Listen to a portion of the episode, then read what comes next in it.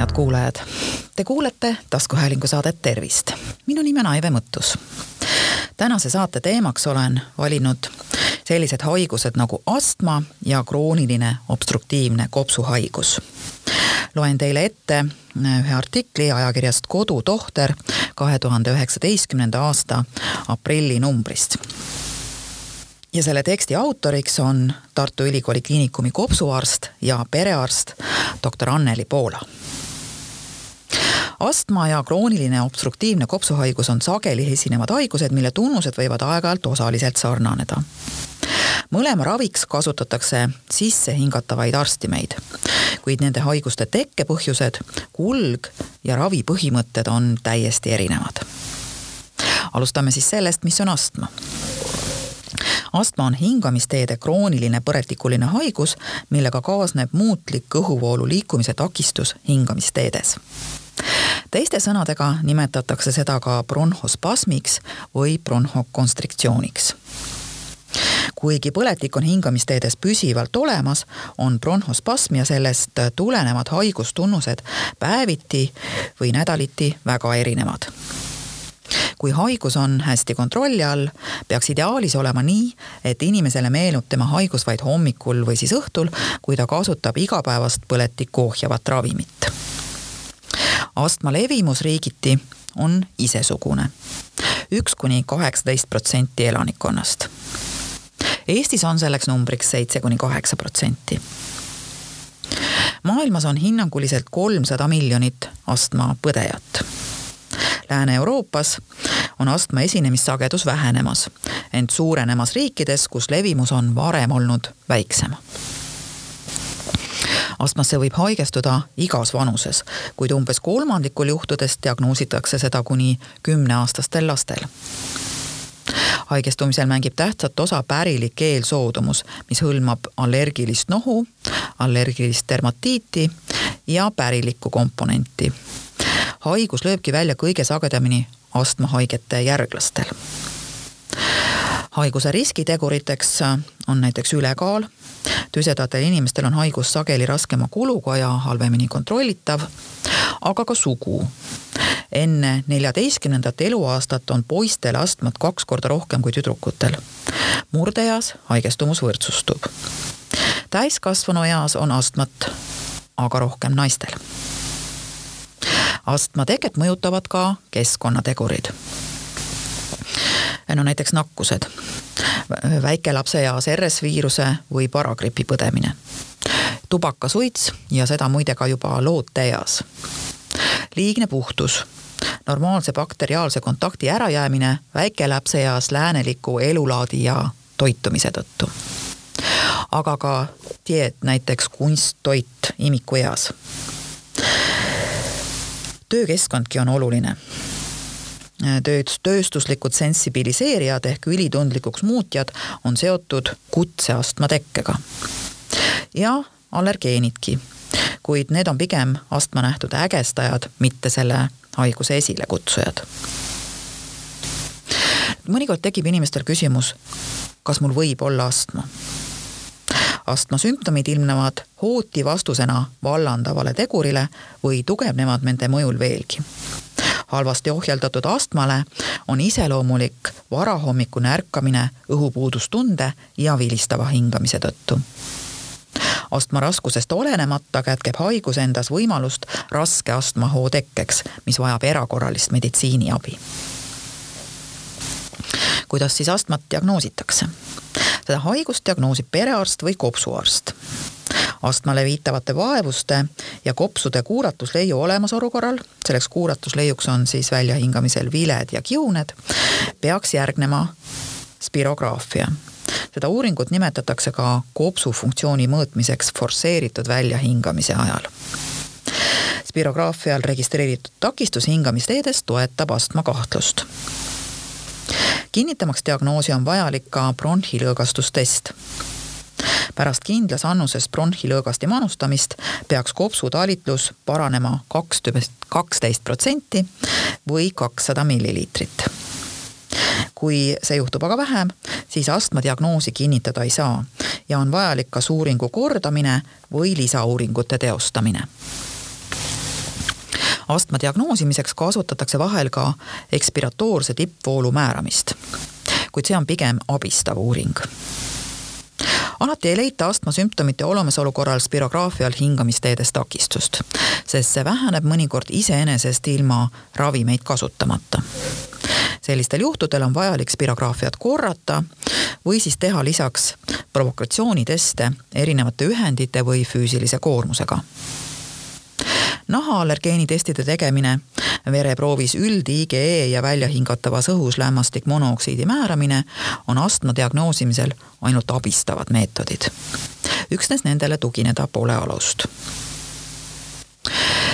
ja loomulikult tekib kogu selle asja juures küsimus, kas astma on ravitav astma on ravitav, aga mitte väljaravitav, kuna tegemist on kroonilise põletikulise haigusega. ravi peab olema regulaarne ja järjepidev ravi eesmärk on minimeerida haigustunnuseid. kui astma on hästi ohjeldatud, saab inimene olla igapäevaselt füüsiliselt aktiivne, käia koolis või tööl, magada öösel ilma astmanähtude tõttu ärkamata astma kontrolli all olemist näitab ka see, kui niinimetatud hoopiipu ehk kiiretoimelist bronhilõõgastit on vaja kasutada harva. no kas siis kord nädalas või veelgi harvem selleks, et astma oleks kontrolli all, tuleb regulaarselt kasutada põletikuvastaseid sissehingatavaid ravimeid. Astmaravi nurgakiviks on aga inhaleeritavad hormoonid, glükokortikosteroidid. aeg-ajalt tekitab sõna hormoon mõnes inimeses pelgust võimalike kõrvaltoimete pärast.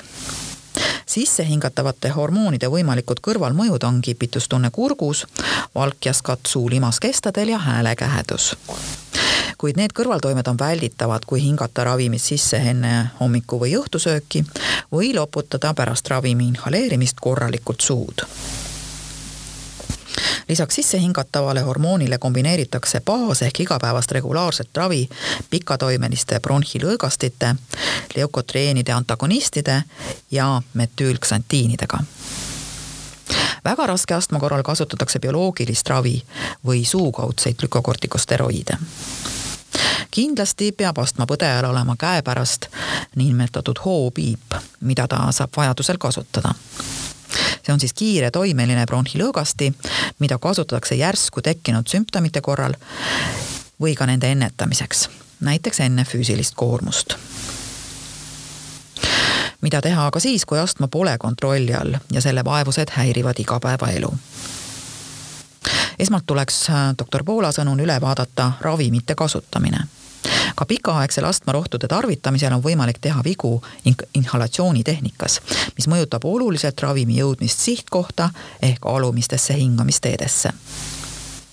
Alati tasub veenduda ka selles, kas inhalaatoris on veel ravimit või ollakse üldse unustanud see sinna panna arsti või pereõega vesteldes tuleks analüüsida võimalike lisandunud tegurite, allergeenide või kaasuvate haiguste mõju, mis on astmakulgu raskendanud kui senise raviga pole haigus mingil perioodil hästi kontrolli all, tuleb baasravi annuseid suurendada ja selleks annab nõu pere- või kopsuarst. kas ja mida aga astma inimese elus muudab? No ideaalis muudab ta vaid nii palju, et end tervena tundmiseks tuleb hommikul ja vajaduse korral ka õhtul sisse hingata põletikku kontrollivat ravimit.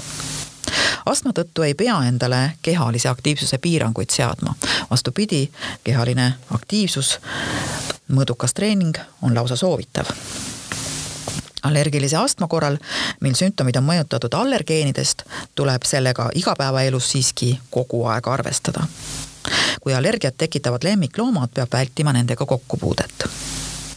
lihtsam soovitus sellisel juhul on lemmiklooma endale mitte võtta.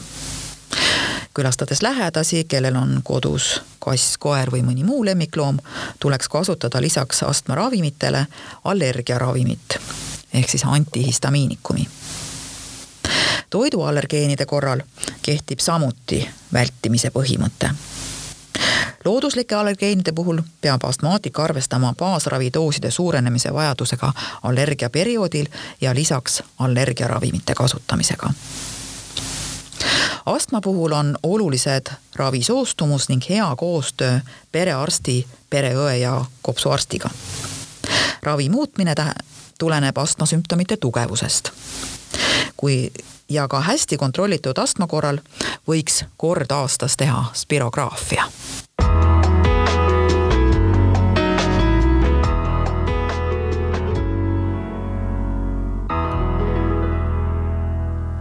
mis haigus on aga krooniline obstruktiivne kopsuhaigus ehk lühendatult kokk vastuseks sisse hingatud kahjulikele osakestele ja gaasidele tekib selle korral põletik väikestes hingamisteedes, bronhioolides.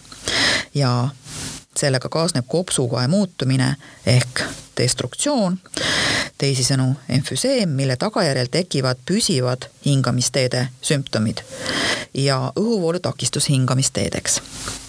Nendeks püsivateks hingamisteede sümptomiteks on hingeldus koormusel, köha ja rögaeritus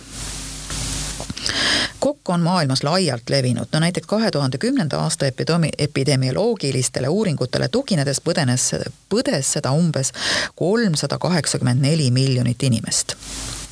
Ja selle haiguse ülemaailmne esinemissagedus on üksteist koma seitse protsenti. enamikus riikides on meeste seas haigestujaid rohkem kui naiste hulgas. Tegemist on elukvaliteeti tõsiselt halvendava kroonilise haigusega, mis on surma põhjusena kogu maailmas neljandal kohal. ja tegelikult praeguseks on ta tõenäoliselt äh, varasemate prognooside järgi tõusnud juba kolmandale kohale. kahe tuhande kaheteistkümnendal aastal suri kogu maailmas kroonilise obstruktiivse kopsuhaiguse tõttu üle kolme miljoni inimese, mis moodustab umbes kuus protsenti kõikidest surmadest. Kusjuures oluline on see, et tegemist on haigusega, mis on tegelikult ennetatav ja ravitav ja tõesti, see haigus on ennetatav. Umbes, umbes kaheksakümnel viiel protsendil juhtudest on kroonilise obstruktiivse kopsuhaiguse põhjuseks sigarettide suitsetamine. Ja haigestumus peegeldab ilmekalt suitsetamise levimust kakskümmend kuni kakskümmend viis aastat varasemas perioodis. see tähendab, et haigestumus suureneb suitsetamisel suurema levimuse korral ja vastupidi kuid mitte kõigil suitsetajatel ei arene kroonilist obstruktiivset kopsuhaigust. see tekib umbes igal neljandal. samas ei tohiks see olla õigustus suitsetama hakkamiseks või sellega jätkamiseks lisaks suitsetamisele on koki tekkes olulisel kohal siseruumide õhus leiduvad saasted, mürgised osakesed, ka biomassi põlemissaadused peale inimesepoolsete soodustavate tegurite on haiguse arengus oma osa ka pärilikkusel, vanusel, sool, kopsude kasvul ja arengul. kuidas krooniline obstruktiivne kopsuhaigus avaldub? selle peamiseks tunnuseks on hingeldus, köha, rögaeritus kuna enamikul juhtudel on tegemist suitsetajaga, jäävad esimesed haigusnähud sageli märkamata. Pisut tugevnenud köhatamist ja suurenenud rögaeritust peetakse suitsumehele omaseks. Mõningast hingelduse, hingelduse teket füüsilisel pingutusel seostatakse aga vanusega või ei panda seda üldse tähele. ja nii pöördutaksegi arsti poole enamasti siis, kui kopsutalitus on juba oluliselt halvenenud. Haiguse edasi arenedes õhupuudus ja hingeldus järjest tugevnevad ja ilmnevad raske vormi korral ka rahuolekus kuna enamasti haigestutakse parimas tööeas, põhjustab haigus töö- ja elukvaliteedi varajast langust. kuidas kroonilist obstruktiivset kopsuhaigust diagnoositakse? nii nagu astmat, diagnoositakse sedagi haigust spirograafial esmalt peab inimese vaevuste põhjal aga tekkima kahtlus, et tal üldse see haigus on kuid spirograafial võiks kopsutalitust hinnasta, hinnata ka vaevusteta inimesel, kes on suitsetanud vähemalt kümme pakkaastat. mis asi on pakkaasta? selle arvestamiseks kehtib varem. pakkaasta võrdub sigarettide arv päevas korrutatuna suitsetatud aastate arv jagatud kahekümnega spirograafia tuleks teha neil, siis ka, kes suitsetamisest juba ammu loobunud, kuid on kunagi suitsetanud vähemalt kümme pakkaastat. krooniline obstruktiivne kopsuhaigus hakkab kujunema aastaid enne, kui ilmnevad muutused spirograafial. Seetõttu on oluline vaevusteta või väheste vaevuste, köha ja regaeritus korral uuringut paari aasta järel korrata.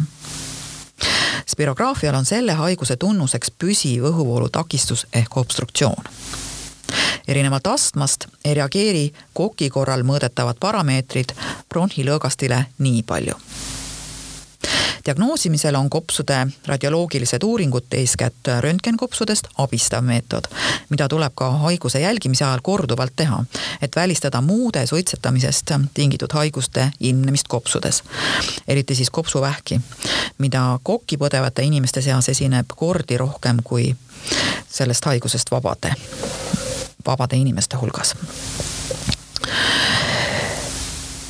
nii, järgmine küsimus kas krooniline obstruktiivne kropsuhaigus on ravitav jah, on küll ja ravi nurgakiviks on inhaleeritavad bronhe lõõgastavad ühendid, nii lühi- kui ka pikatoimelised.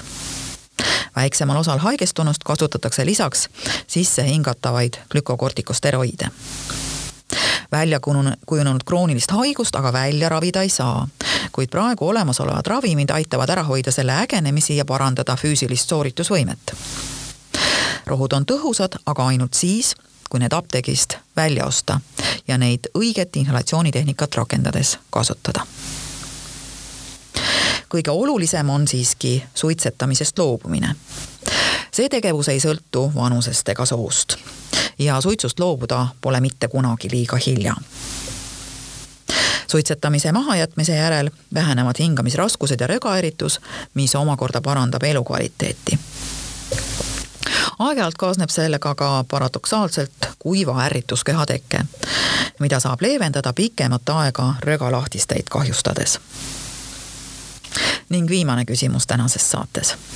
Kas krooniline obstruktiivne kopsuhaigus mõjutab elukvaliteeti?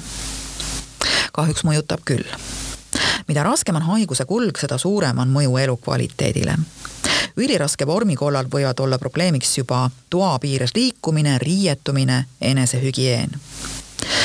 sellisel juhul vajab inimene kodus hapnikuravi kindlasti on erinevused füüsilise tööjõudluses tööealise, kokipõdeja ja terve inimese vahel haige inimene peab arvestama sellega, et hingeldus tekib väiksemal koormusel kui tervel, mistõttu tööd tuleb teha võimalusel rahulikumas tempos ja sagedasemate pausidega.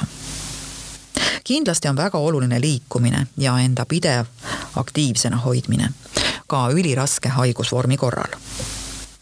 ning artikli lõpetuseks rõhutab doktor Anneli Poola, et meil kõigil on rohkelt võimalusi oma tervise eest hoolitseda ärgem siis unustagem, et krooniline obstruktiivne kopsuhaigus on välditav haigus. head kuulajad, te kuulasite taskuhäälingu saadet Tervist. saate leiate Delfi podcastide pesast tasku, nutirakenduste Spotify, Apple Podcasts, SoundCloud ja teised. hakake jälgijaks ja kuulake just teile sobival ajal ettepanekuid teemade kohta, mida saates käsitleda, ootan teilt e-posti teel aadressil tervist.maaleht.ee minu nimi on Aive Mõttus, olen Maalehe taskuhäälingu saate Tervist toimetaja. tervist teile